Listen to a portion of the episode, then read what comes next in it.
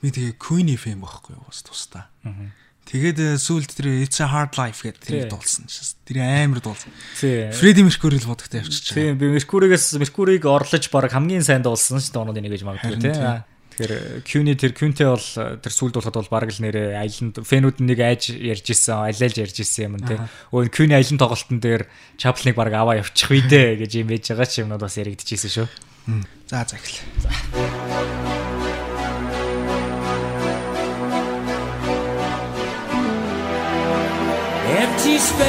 Чихээр дамжиж зүрх сэтгэлд хүрэх ай айлгуу дуу.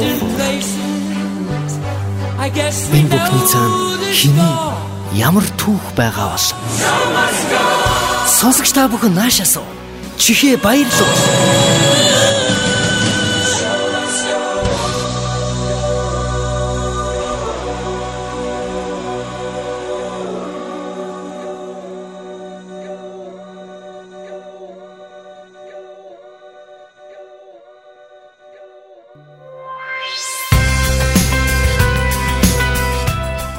Сонсогчдоо та бүхэн хөтлөгч Ганамын бэлтгэдэг Music Lab буюу хөгжмийн лаборатори нэвтрүүлгийг сонсож байна.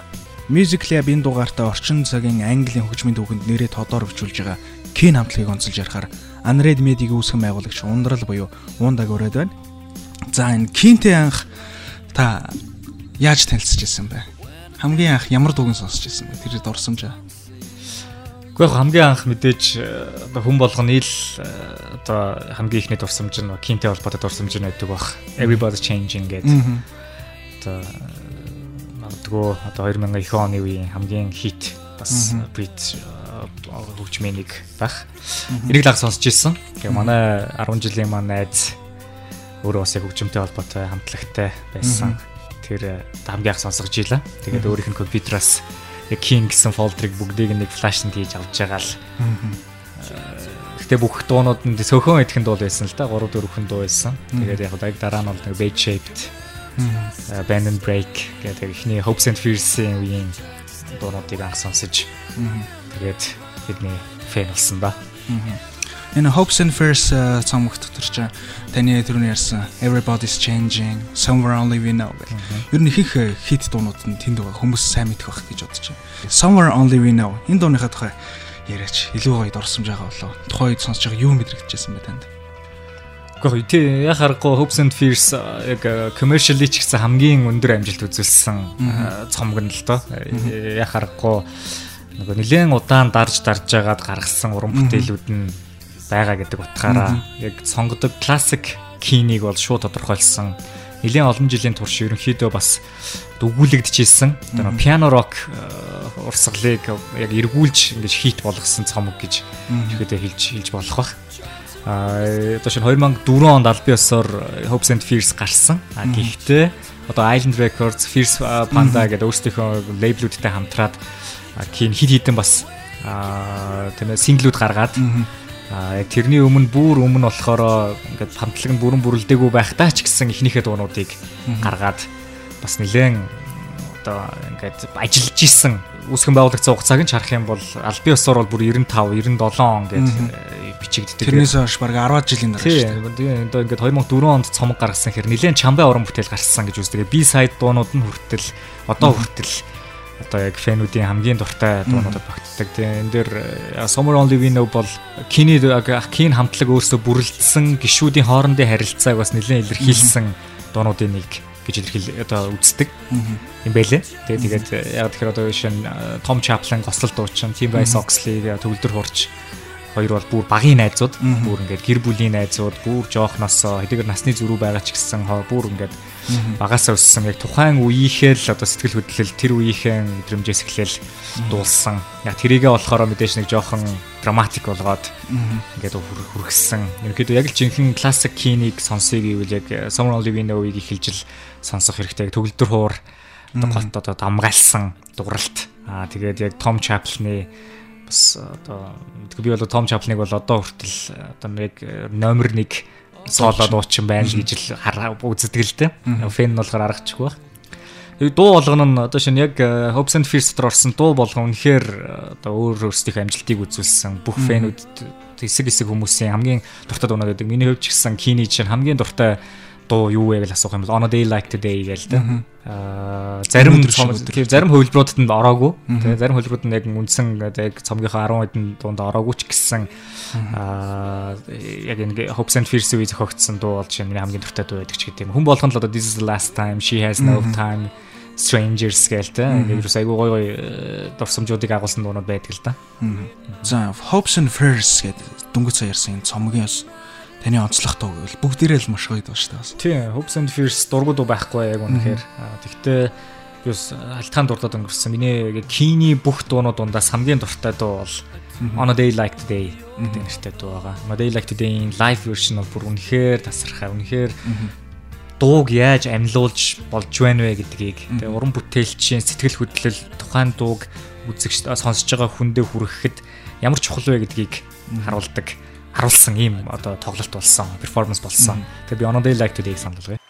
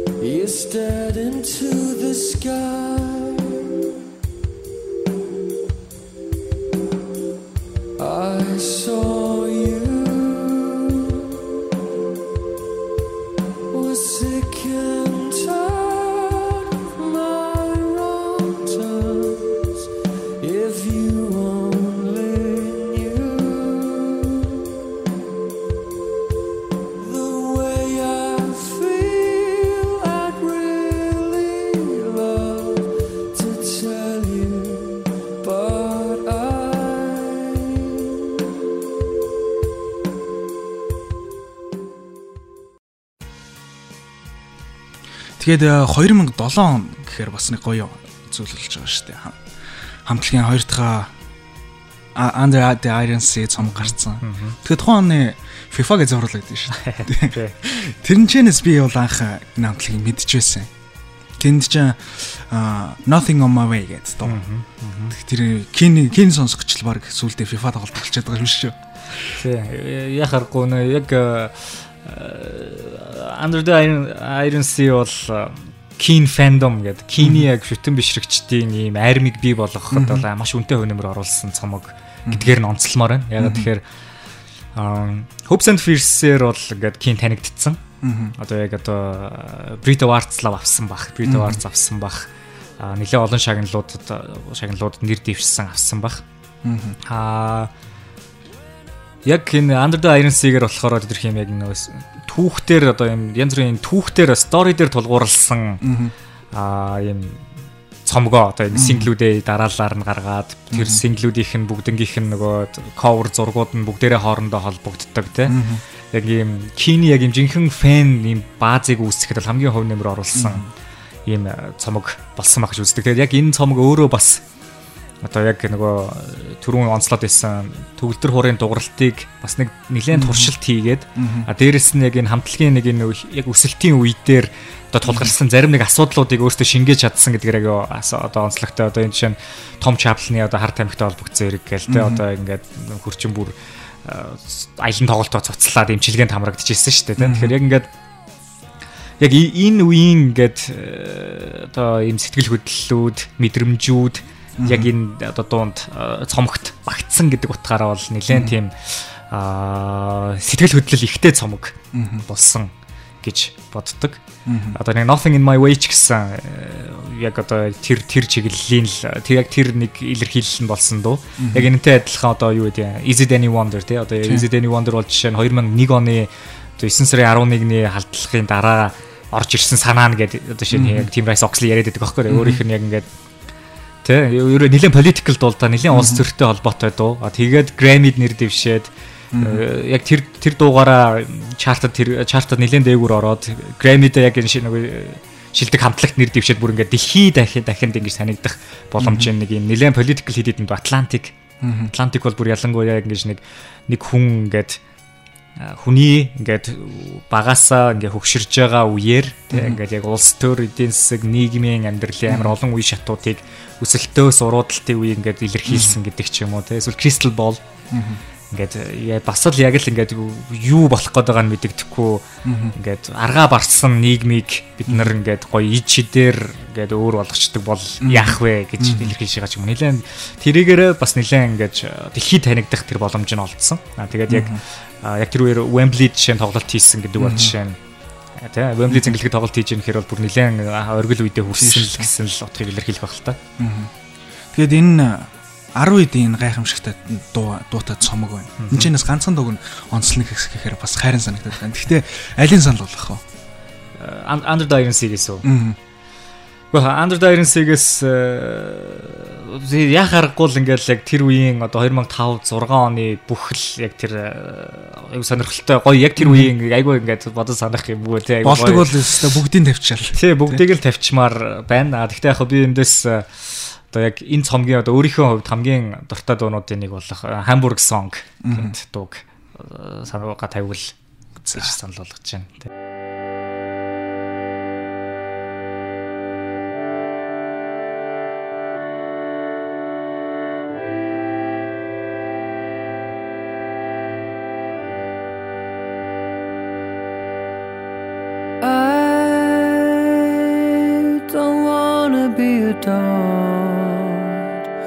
Don't wanna be first in line or make myself heard.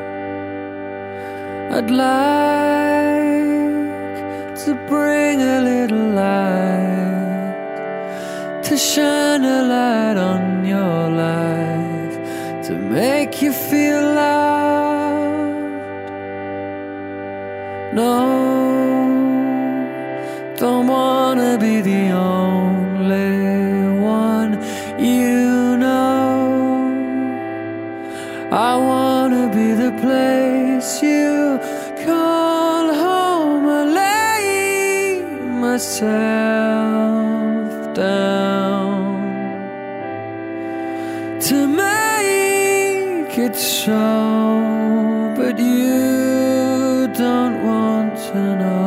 I give much more than I'd ever ask for.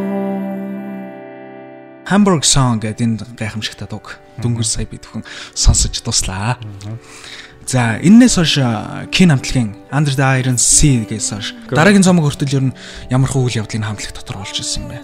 Яг хоо яг харахгүй нөгөө хин Том Чаплин манай гоцлол дуучин маань өөрөө яг нэлээ шилжилтийнхээ чахуу үеийг давж туулж байгаа. Шилжилтий гэдэг нь болохоор энгийн нэгэн хүн байсан. Одоо тий одоо нэг зүгээр нэг British одоо Sussex-ээс гаралтай нэг залуу байснаа дэлхийн хэмжээний том уран бүтээлч болоод нөхөр яг ингээд Keen-гээ хамтлаг дунтроосоо бол хамгийн бас одоо алдаршсан нь одоо хүн болгоны таньдаг нь те. Хин хэрэл Том Чаплин. Чаплин санаанд ордог те. Аа тэгээд яг яг энэ үедээ бас нөхөрөө ингээ жоохон оддын өвчин маягийн тусаа дээрэс нь яг сэтгэл зүйн хувьд ч гэсэн хит хитэн юм асуудал үүсгэсэн зүйлсүүд болсон. Яг тэрнээс хойш бол нөхдүүд яг яг энэ үеийг даван туулахын тулд бол энэ би хамтлаг дотор л тэмцэлтэй үе байсан болов уу гэж боддог.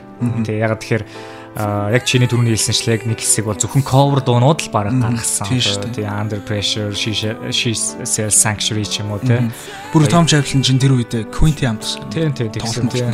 Тэгээ Yellow Brick Road-ыг Elton John-ы хүртэл тэр баг яг энэ үеэрэл coverлсан санагдаж байна. Тэг яг хоо тэгтээ эргэж ирсэн. Эргэж ирэхдээ бол бүр цоошин King цоошин шин гişүүнтэй шин гişүүн ирээдүйн шин гişүүнтэйгээ одоо эргэж ирсэн. Тэгээ энэ бол яг илүү нэг шинэ яг өөрсдийнх нь ч гэсэн онцолдог л доо энэ бол нөгөө 80-аад оны яг тэгээ tribute to 80s гэх тийм. Бүр яг өөрсдийнх нь одоо David Bowie Synth Prince тий яг Prince ч юм уу тэг эдэрт зориулсан цомгно гэж ярьдаг. Тэгээ нэлээд тийм хуучны дугааралттай дуунууд одоо Better Than This ч юм уу тий. Одоо юу гэдэг Lovers Are Losing энэ төрөл ерөөсөө яг л ингээд тийм 80-аад оны классик рок сонсож байгаа юм шиг сэтгэл төрүүлэхээр. А тэгээ яг энэ дуун дээр энэ цомог дээр бол жишээ нь а хиний Том Чаплны өөрийнх нь бүр хэлсэн юу гэдэг вэ? Миний Кини хамгийн дуртай дуу гэдэг. Одоо хамгийн төгс дуу. Хамгийн төгс рүү төгсөн дуу. Яг тэгэхээр нөгөө Киниг ингээд яг тухайн үе шүүмжлэгчд everybody's changing ч юм уу, bad shape ч юм уу те ингээд нэг ингээд one hit wonder болчих вэ гэж нэлээд их болгоомжилж ирсэн. Яг Under the Iron дээр Is It Any Wonder-аас өөр бол нэг тийм амар хит болсон дуу, бүр супер хит болсон дуу байгаагүй. Тэгэхэд яг өөдөөс нэг зэрэгсэн хөө бид нар баг everybody's changing гэдэг дөхсөн дуу баг гаргачих шиг боллоо шүү гэдэг. Q magazine. Би яг тэр яг тэр сэтгүүлийг нь бүр яг тэр үед бол бүр ингээ ид ингээ хорхосч ирсэн үед яг бүр гарангуутл нь торрентоор татаж аваад уншиж ирсэн. Тэгэхээр яг тэрэн дээр perfect symmetry гэдэг одоо энэ цомгийнхоо бас нэлээд гол дуунуудын нэгийг яа одоо яриад. Тий би энэ бол бараг л нэрээ төгсрүү төгссөн дуу. Бидний хамгийн дуртай дуу гэж хэлсэн. Тэгээ яг тухайн үед бол Q magazine-ий бол одоо нэлээд олон шагналыг нь баг бүгдийг нь түүссэн баг. Тэгээ яг тухайн үед бол бас нэлээд сонирхолтой нэг хоёр туршилт хийснийг нь би бас энэ дээр одоо ямар байгаа хэлмээр байгаа. Энэ болохоор Better Than This гэдэг дууныхаа синглийг гаргахдаа нөгөө 3D шилтэй ийм сингл гаргасан. Аа. Баггүй тэгээ ингээд тэр нь юу вэ гэхээр тухайн үед болохоор нөгөө 3D шууд дамжуулалтыг кин анх удаага дэлхий дээр хийсэн. За. Тэр нь бүр Abbey Road-оос хийж байгаа байхгүй. Аа. Abbey Road-оос 2009 онд 9 оны одоо за бараг л за бүр яг нэрэ жигнэсээ 8 8 жил юм 2004 сарын 2-нд те яг ингээд Abbey Road-оос ингээд интернетээр яг тэр Better Than This-ийн single-ийг авсан хүмүүс шил одоо яг өөрийнх нь 3D-ийн шилээ зүгээд киний тоглолтыг шууд үзэж байгаа байхгүй. Би бол яг тэр үед тухайн үед нэг light vlog хийж ирсэн. Яг өөрөө ингээд өөрөө өөртөө тийм шил хийж жагаад интернет сар заавар авч байгаа. Яг энэ бол өөрөөсөө нэг Abbey Road-д өөрөө өөртөө бол угаасаа Beatles-ийг л coverлдаг байсан хамтлаг анх. Beatles-с л нэлээд. Beatles-ийн студ шүү дээ. Тий, тэгээ Abbey Road бол бүр ингээд домог учраас тэгээ зориул анх удаага ингэж хийсэн. Аа тэгээ дэлхийн анхны бас ингээ 3D шууд амжилт хийсэн хамтлаг болсон гэдгээр нэлээд онцлогтой хэлсэн баг. Тийм байх шүү. Бас юу вэ шүү. Бит хоёр нэлээд л удаан цаг тохирох гол явагдсан. Тэгсэн чи яг 8 жилийн өмнөх яг өчтөр болсон үйл явдал шүү дээ. Чин 4 сарын 2 гэхээр. Тийм байна. За тэгээд цаашаага ярихаас өмнө нэг дуу сонсъё. Бараг л санал болгох төгч мэдчихлээ дээ. Энэ Perfect Symmetry болоо. Тэгээ тэгээ. Тэгээ. Яг одоогийн Perfect Symmetry бол өөрөө бүр яг энэ одоогийн энэ тухайн үед шинэ 2009 он гэдэг чинь яг энэ Twitter эд хүчээ аваад Facebook яг Ivy League-ээс хэлж гарч ирээл MySpace бүр хүчтэй ингээд яг бараг л уналтын хөрөө орж эхэлж ирсэн л байх л да. Тэгтээ интернет хүн болгоны амьдралд орж ирж ирсэн мөр хаалгын цохилгүй шууд эвдэж орж ирж ирсэн үеийн одоо яг уран бүтээлчийн нүдээр юу харж чинь гэдэг энэ цомог. Одоо яг дуу. Энэ бол бүр айгүй тийм сонирхолтой технологи. Хүний амьдрал хоёр хэрхэн хоорондоо хосолж байгаа хосолж болох уу талаар ийм төсөөллийн уран бүтээл байна.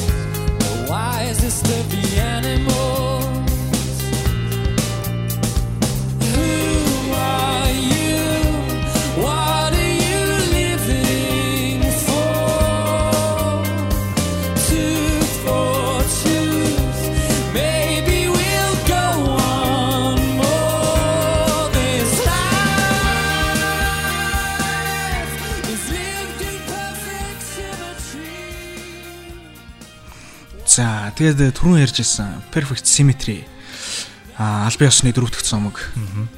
Энэ хоёрын дунд нэг EP байгаа шүү дээ. Extended Play гэдэг. Яг цомгийн хэмжээнд төрөхгүй тэгсэн мөртлөө single биш гэж Extended Play тэгж ойлгоод байгаа. Энэ Nitrian гэдэг.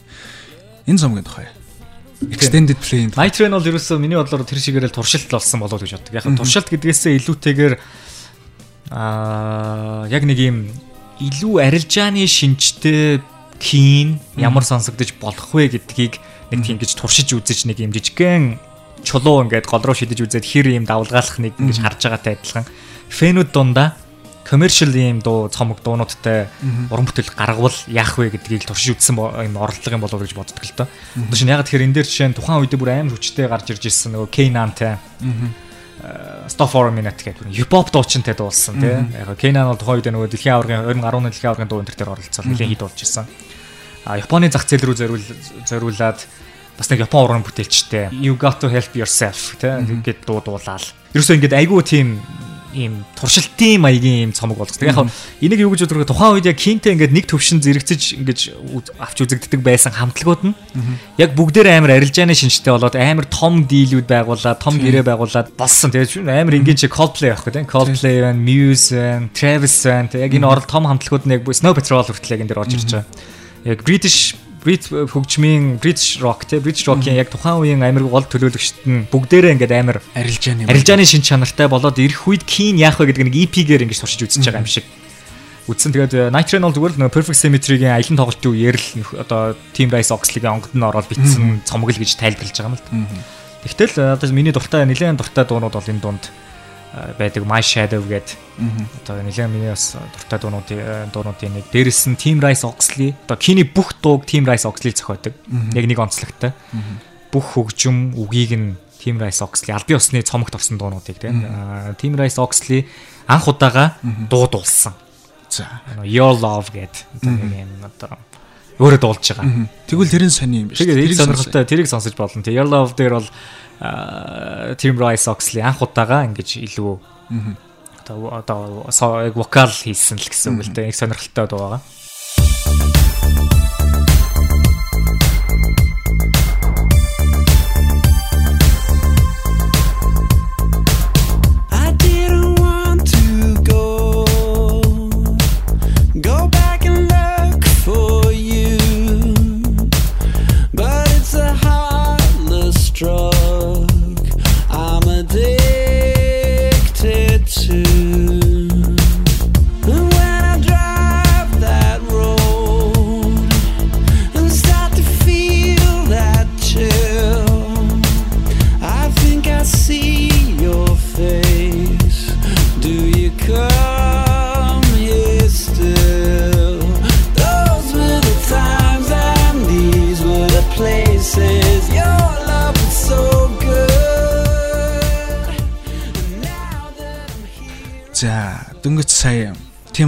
Oxley-гийн 15 6 жилийн дараа хамтлагаа байгуулснаас хойш анх удаага дуулсан энэ дууг Your Love гэдэг дууг сонслоо. Team Rice Oxley-тэй холбоотой нэг сонирхолтой түүхийг бол та нар угаасаа ярьсан л баг тийм. Крис Мартин энэ хоёр нийлж төгссөн гэдэг тийм. Coldplay. Тийм Coldplay дээр тийм University College London дээр тэр нэр яг нэг үеийн угаасаа бүтээгдэхүүнүүд яг нэг үеийн төгсөгчд. Тэгээд одоо хэрвээ гэдэг асуулт үргэлж Coldplay Keen аль альнийх нь фэнүүдийн дунд бол байдаг л да. Тэгээд э, нөхөр бол өөрөө Chaplin-ыг толгойдоо бодож байгаа л үгүй гэж хариулт хэлсэн л гэж юм ярьдаг да.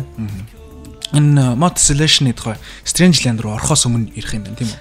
Тийм. Team Rice Oxley өөрөө Jesse Queen гэдэг одоо сүүлд орж ирсэн одоо гитарчтай нийлж Аа бас нэлээд сонирхолтой дууралттай. Яг л классик кинийг бас санагдуулж болох үс дууралтууд энэ энэ дээр бол гарч ирдэг. Кин бол нэлээд сүүлд нэлээд хамтарч ажиллах болсон. Тэр Cherry Tree Records гэдэг. Тэг яг энэ энэнтэйгээ хамтарч гаргасан. Бас нэлээд сонирхолтой цомог болсон. Нэлээд туршилтын цомог болсон баг. А тэгтээ мэдээж commercial дээр бол нэг тийм амжилтанд бол бүр хүрээгүй. А тэгтээ энэ бол нөхөд Strangeland дээр шин цомог дээр Кин ер нь ажиллаж эхэлж гин шүү гэдгийг илтгэсэн бас нэг юм зүйл фэнүүдтэй. Фэнүүдийн хувьд бол ингээ зүгээр суугаагүй ажиллаж байгаа тий ингээд энэ төслийн дараагаар эхэлнэ гэдэг мессежийг өгснөөрөө нэлээд ач холбогдолтой байсан. Нэлээд анхаарч ирсэн фэнүүдийн үед. За тэгээд Strangeland гэдэг энэ цомог маань 12 онд гарсан гарлоо. Тийм байна шүү. 12 онд гарсан. Энэ цомгийн онцлог нь Тэгээ яхааргүй энэ цомгийн яг нэг бусад өмнөх цомгуудаас ялгарх юм бол гитар гитарын дууралттай л байгаа. Ерөөсөө Queen 2011 онд энэ цомог гарахаас яг нэг жилийн өмнө хамтлагийн албан ёсны гишүүн болсноор Keen гитартай боллоо гэдэг тийм. Яг энийг бол хоёр талаар л э, ойлгож хүмүүс хүлээж авсан л да. Кини ганц ялгарч исэн давуу тал бол угаасаа яг цэвэр пиано рок байсан. Төгөлдөр хураар л төгөлдөр хуурын гоцлолтой тийм. А эсэргээрээ тэгтээ аа юун дээр одоо яа тийм perfect symmetry дээр бол жишээ нь Lowsa Losing дээр том Chaplin гитар тоглож дуулдаг одоо дуулдаг тийм тохиолдол байсан. А тэгтээ албан ёсоор ингээд Тусдаа нэг гитар ч оруулж тусдаа гитар ч авч а Team Rice Том Chaplin-тай нийлүүлээд ингэж тоглох болсон гэдгээр нэлээд онцлогтой. Ерөнхийдөө бол э, Strangeland бол 2 3 жил удаа цомгийн туршилтын дараагаар Keen эргэж ирнэ байраа оллоо гэдгийг илтгэж байгаа ч юм шиг цомог болсон. Яг аргагүй одоо үнэхээр Hopes and Fears-ийн үеийг санагдуулмаар дуунууд энэ дотор бол байгаа. Аа, Одоо Sovereign Light Cafe ч юм уу те одоо бүр хамгийн ийм бит өндөртэй цоглог дуун гэж одоо Disconnected Silence by the Night энэ ч гэсэн Hopes and Fears-ийн үеийн Band and Break This Last Time энэ төртэй төстэй ч юм шиг тийм дууралтууд дууралтууд төрүүлдэг. Тэгээд Starting Line, Black Rain одоо Sea Fog гэдэг бүр ингээд яг юм яг л классик кино фэнүүдэд амар олон жилийн Дараа. давлгаан тий амар юм арилжааны хөгжмийн давлгаан тийч үлдсэн фэнүүдээ баярлал эцсийн эцэс нэг арай гэж нэг юм баярлуулж байгаа гэсэн сэтгэл төрүүлэх үс юм дуунуудыг гаргасан.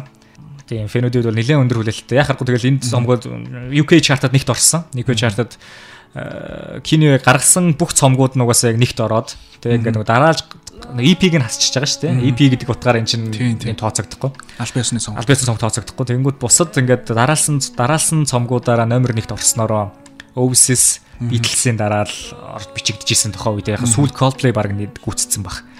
Тэг яг ингээд бас нэлээд түүхэн амжилт үзүүлсэн. Аа тэгээ шүүмжлэгчдээс бол нэлээд өндөр амжилт авсан. Ялангуяа Hopes and Fears дээр нөгөө шүлэг нь айгу дуунуудынх нь үг нь айгу онцлогтой бүр тийм. хүмүүст утгатай шүү дээ. амар утга илэрхийлэгддэг. Зүгээр Hopes and Fears гэл ганц үг нь тэгээ энэ толгой үг л бүр өөрөө айгу өндөр агуулмжтай юм дуу байдаг. Аа тэгээ яг ингээд Hopes and Fears-ээс хойш а Team Rice Oxley ингэж энэ дуу энэ шүлэг бичих мэдрэмжээ алдаагүй юм байна шүү гэдгийг илэрхийлсэн Ийм цомог бас болсон. Яг тэр Strange Land гэдэг энэ дуу өөрөө бүр үнэхээр гоё дуу.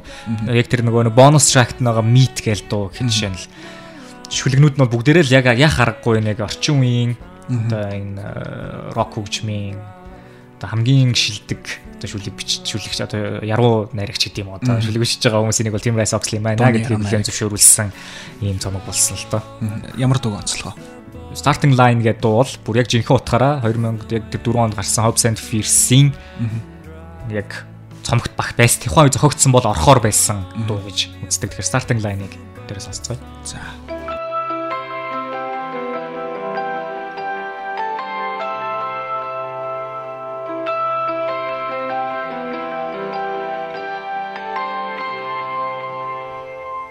This town was our lover's stage, but now you can't recognize the street lights that are daggers to your eyes. You can't find your bearings, you're slipping into the ground. The scene has no color and no sound. Do you still believe in after the things I've done? Do you fear for what we have become? The ground is uneven, we stumble from day to day. But shelter where it's easy, I know your feet are like lead, but you've gotta get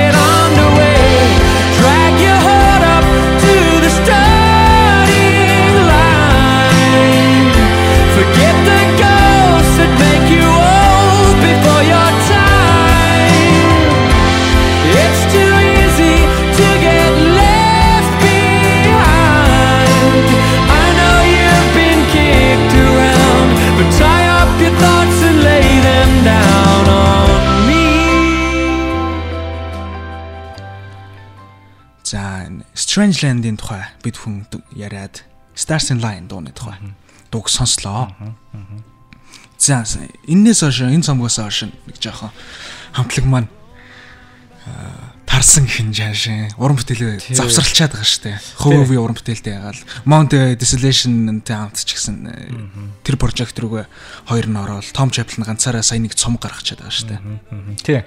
Яг харахгүй тий яг Strange Land-ийн э, одоо тий аялын тоглолт нэлээд бас дэлхийд даяар болсон. Strange Land-ийнхаа за Strange Land-ийн өмнөхөн баха Бээжинд хүртэл нөхдүүд ирж коммершил нэг тоглолтод оролцоод ирсэн. Энийний дараагаар угаасаа яг Keen Best of Keen нь Тийм, гарчиж байгаа тийм. Цомог нь гараад а тэгтээ цомог нь гарсан гарч байгаа угаасаа л өөрөөсөө тайлбарлсан л да. Яг энэ бол мэдээж нөгөө Island Records-тэй байгуулсан гэрээ нь ингээд 5 цомгийн гэрээ дуусч байна. Окей бид нар ингээд одоо ингээд 10 жилийн өмнө байгуулсан гэрээнүүдээ одоо л хүрж байгаа байхгүй тэдний хувьд те. За энэ хүртэл бид нар жоохон уран бүтээн засрал гавья. Сүүлийн жилүүд ерөөсө байнгын лачаа аялын тоглолттой өндөр хүч ачаалалтай байсан. А гэхдээ бид нар болоогүй шүү, тараагүй шүү гэдгээ Won't Be Broken гэдэг яг энэ Best of Keen дээр нэмэгдсэн 3 дууны Higher Than the Sun Russian Farmers Song. Тэгээ Won't Be Broken гэдэг энэ 3 дууныхаа нэгээр илэрхийлсэн. Бид нар болоогүй шүү. Яг дууных нь гарчгаас хүртэл мэдэгдэхээр те. Яг энэтэй зэрэгцээ Chaplin өөрийнхөө яг хувийн карьераа хөөж The Wave гэж цомог гаргасан. Энийг сонсож гисэндээ бол маш гоё цомог дуугартай. Wave бол үнэхээр үнэхээр чанартай. Яг яг түрүүн хэлсэн те нөгөө Rice Oxley ганцаараа бүх юуг нь хийдэг учраас аа Chaplin-ы өөрийнх нь ингэж уран бүтээл туурвах нэг дараад идэг юм шиг юм шүүмжлүүд бол ер нь аюу хэрдэг байдаг. Яг тэгэхээр 2009 лөө 10 оны үед яг Кини фэнүүдийн дунд явуулсан санал асуулгаар Кини хамгийн дуртай дуу чинь юу вэ гэдэг асуулт явуулахад За яг мэдээж ингээл нөгөө нэг топууд байгаа юм л да Summer Only We Know Bad Shape явж ирсэн. Гуравт нь ямар дуу байсан гэхээр Closer Now гэдэг дуу байсан байхгүй. За. Closer Now гэдэг дуу нь өөрөө зөв B side-ийн дуу. Тэр юу Hopes and Fears week шиг санагдаж байна. Тэгэхээр B side-ийн дуу Яагаад гуравт оруулсан гэхээр энийг зүгээр л Chaplin зохиосон байхгүй. Chaplin зохиогоод яг Keen дуулсан, ил гаргасан ийм айгу цөөхөн дуунуудын л нэг. Тэгэхээр ер нь бол Chaplin дуу зохиож чаддаг гэдэг юм бүгдээ бид нар мэддэг байсан. Ялангуяа одоо Under the Iron Sea-гийн үе дээр ч гэсэн нөхөр Hamburg Song дээр Try Again дээр ч гэсэн төгөлдөр хуур тоглодог баг. Төгөлдөр хуур тоглож аялын тоглолтын үеэр хийдэг байсан. Аа Wave бол яг ингээл бүр ингэж тэ ингээд бүр ингэж дэлбэрхэд байсан энэ нэг юм ал гаргаж байгаа хэрэг болсон. Тэгээ би бас айгүй азтай яг энэ цомгийн нээлтийн үеэр а яг HMV гэдэг одоо энэ дэлхийд даяар алдартай энэ CD зардаг юм сүлжээ дэлгүүр дээр яг нээлт нь болж байхад би тэр үед Хонконгод явж исэн. Хонконгод явж таарсан. Тэгээд бүр яг нээлтийн үеэр энэ цомгийг авсан тийм. Тэгээд яхахгүй өөрийнхөө тэр нөгөө амьдралын амьдаг энэ карьерийн талаар л дулсан байгаа юм л да. Яг ингээд айгүй хүсэл тэмүүлэлтэй залуу хүү хот хөдөөний хүүхэд штэ тий. Өдөөний залуучууд эдгээр чинь Sussex, East Sussex гэдэг нэлээд зүүн тийш юм. Тэгээд Лондонд орж ирээд оддын өвчөнд яаж нэрвэгдээд бүр өөрийнх нь димнийг яаж дарсан тэр өөрт нь байсан тэр чөтгөрийг яаж дарсан одоо гэр бүл зохиогоод яаж одоо ирээдүгөө харж гин гэдгээ хүртэл ингээд бүрдүүлсэн. Яг яг ингээд нөгөө аа кино дуунууд дээр харахад ийм хувийн стори, хувийн түүхүүд айгүй их орж ирдэг. Аа. Одоо түрүүний биний хэлснээр Hamburg song гэдэг энэ дуун дээр ч гэсэн ерөөсөө л Team Rice Oxley Tom тандж хэлж байгаа үгнүүд үгтэй try again. Дахиад үзье те дахиад нэг дуун дээр бүр яг хэлж байгаагаар дуунууд дээр нь гардаг газрууд. Бүр яг л ингээд нөгөө өөрсдийнх нь ингэж явж исэн амьдарч исэн хамт хөгжилдөж исэн те үе яг тэр газруудыгаа хүртэл оруулдаг бэчэд дээрч байдаг summer only we know дээрч байдаг. Тийм тийм айгу тийм онцлогтой. Яг энийг ч гэсэн хадгалж ерөөхдөө цомгоо оруулсан цомогтой дуунууд оруулсан байлээ тухайн хамтлагийн нэг илэрхийлэх хоёр зүйл хоёр гурван зүйл байдаг гэж боддог. Нэг нь болохоор гişүүдийн амьдралын хүмүүс их сонирхдаг. Дараа нь болохоор цомгийг нь бол худалдаж авч сонсдог. Тэгээд концертыг бол хүмүүс алгасалгүй үздэг. Кин хамтлагийн хувьд бол цомгоо дэмжсэн тоглолтууд хийдэг. Кин Кини одоо ингээд Snow Patrol ч юм уу заахаа зүгээр миний хувьд те би бүгдэнд нь дуртай. Би бүгдийг амар сонсдог гэдэг. Snow Patrol, Coldplay ч юм уу ингээд Travis те ингээд хамтлагуудаас яг нэг ялгардаг зүйл нь яхаа аргагүй амьд төгд амьдараа тоглох чадвар. Тэ яг амьдараа тэр хиний Том Chaplin-ы дуулж байгаа тэр хоол Team Rice Oxley-гийн дуугар одоо дууралтууд нөхөр бол 2 3 төвлөр хуурыг зэрэг тавьж байгаа тоглолдог бүр тэ дугар өөр дууралтууд гаргаж чаддаг. Бас гитарны дууралтыг нөхөр төвлөр ураар гаргаж байгаа шүү дээ. Richard Hughes төгөлдөр бөмбөрчин тэ Richard Hughes ч гэсэн маш чадварлаг, маш өндөр ур чадвартай хөгжимчин. Тэгэхээр ерөнхийдөө амь тоглолтууд бол үнэхээр тасархай болдог. 2009 оны O2-гийн O2 дээр O2 арена тоглож байгаа тоглолт бол угаасаа O2 аренад хийгдсэн хамгийн шилдэг амьд тоглолтуудын нэг гэж бүр хүлээн зөвшөөрөгддөг. Аа тэр тэрнийх нь яг DVD ч гэсэн байдаг. Аа ерөөхдөө яг нөө ер нь хамтлагуудын уламжлал ёсоор амьд хөгж амьдаар тоглосон тоглолтуудын дараа DVD гаргадаг штеп. Strangers гэдэг яг энэ юуны Hopes and Fears-ийн үеийнхэн дуунуудаар гаргасан Strangers-ийн DVD-н дээр бол жишээ нэг түрүүний миний хэлдэг те нөгөө нэг Rice Oxley самбар дээр нэг дууныхаа нэрийг гаргацсан. Тэгээд тэр дууг нөгөө нэг хэдэн нөхд үзүүмэлж аван готлаа энэ дуу гараагүй одоо хүртэл байгаалгаа юм байна гэж Russian Famous Song-о ярьсан байх жишээ тийм. DVD-нүүдэд бол нэлээд ач холбогдол өгдөг фэнүүдийн үед. Аа тэгэхээр яг тэгтээ яг энэ дундаас бол хамгийн таалагддаг, хамгийн хүчтэй болсон бол яхаарахгүй Sony өвд барайна тоглосон тоглолт.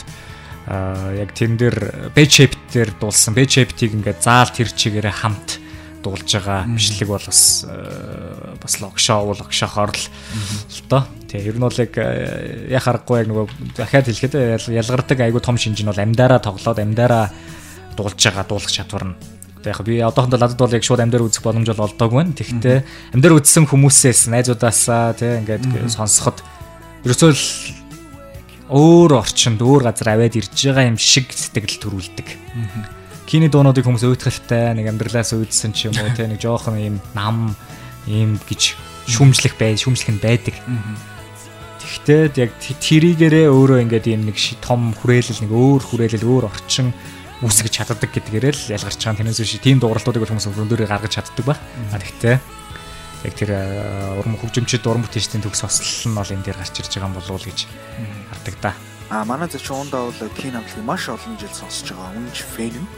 А тийм учраас маш олон цуглуулга байдаг байхаа гэж бодож байна. Одоо таны өмссөн байгаа энэ подвол гიშгэсэндээ per- perfect symmetry-гийн зурагтай боловлохгүй юм тийм үү? Тий. Манай найзууд ер нь мэднэ. Яг бүгдээрээ э, ямар нэг зүйл гэж тий кинтэй холбоотой юм бол нэг хэсэг бол бүгдээрээ авчирч өгдөг байсан.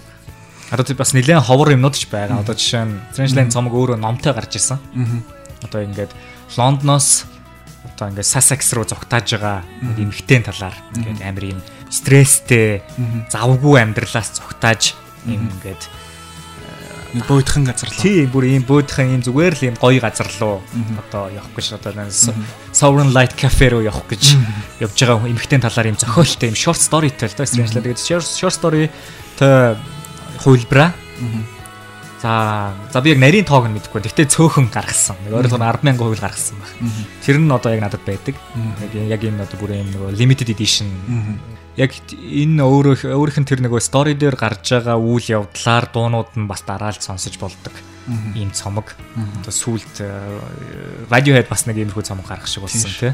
Тэр яг яг энэ энэ юуг бол 12 онд бол яг ийм оролдлогыг кин хийж исэн. Тий. Ер нь а, цуглуулга гэснээс танд ер нь а, бүх цомгууд нь байгаа юу? Бага бага байлгүй яхаа. Бүх цом- цомгууд нь байна. Э, Бүр э, зарим улсуудад гаргасан limited edition эдэн ч байгаа. Тий.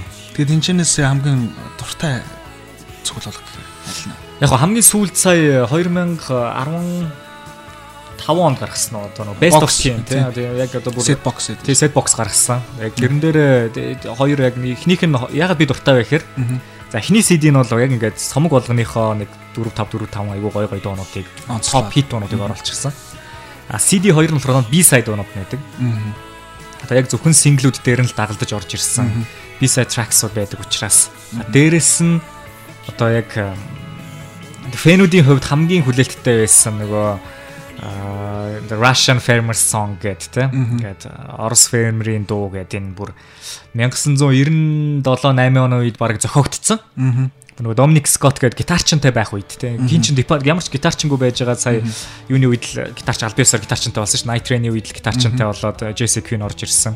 Тэгээ юм гитарын дууралттай. Тэгтээ бүр яг ихэн үеийн кини дуу гэдэг ингээд хүлээлтэнд байдаг амар олон дуусна дуунуудын нэг л те. Тэгээд яг тэр дууга анх удаага ингээд баг 15 жилийн дараа гаргаж байгаа гэдэг утгаараа энэ цомог бол би нэлээд удаан хүлээсэн. Тэгээд э, энэ цомогт айгуу дуртай. Одоо банк би шөнө тийм айгуу тавьж сонсдог. Ингээд Kin хамтлаг маань 13 онд Best of Kin гэдэг цомгоо гаргалаа. Аа Chaplin-ийн хувьд бол Wave гэдэг цомгоо бас гаргалаа. Аа энэний дараа бас нэг хүлээлт байгаа шүү дээ Тий. фэнүүдэд. Дараагийн цомог гэдэг. Энэ цомгийг ер нь ямар хөө төсөлж байна вэ? Яг маш олон таамаглалууд байгаа л да. Сая Tear Up This Town бол яг л тэр өнгөрсөн жил гаргасан тий. Дуу бол яг л Kini дууралттай дуу бай цомог байсан. Гэхдээ одоо зүгээр хүмүүсийн хүлээлтээр бол нөө Chaplin өөрийгөө ингээд уран дуу хийж чаддаг шүү гэдгийг харуулчихсан байгаа учраас а Chaplin Rice Oxley-гийн юм хосолсон дуунууд хамтарч гаргах дуунууд. Хамтар зохиосон. тий зохиосон дуунууд бас байж болох юм аа. Тий эсвэл яг Chaplin-ы дуу Rise Oxley-гийн дуунууд аль аль нь агуулгдсан байж магадгүй гэдэг тийм хүлээлт бол байгаа.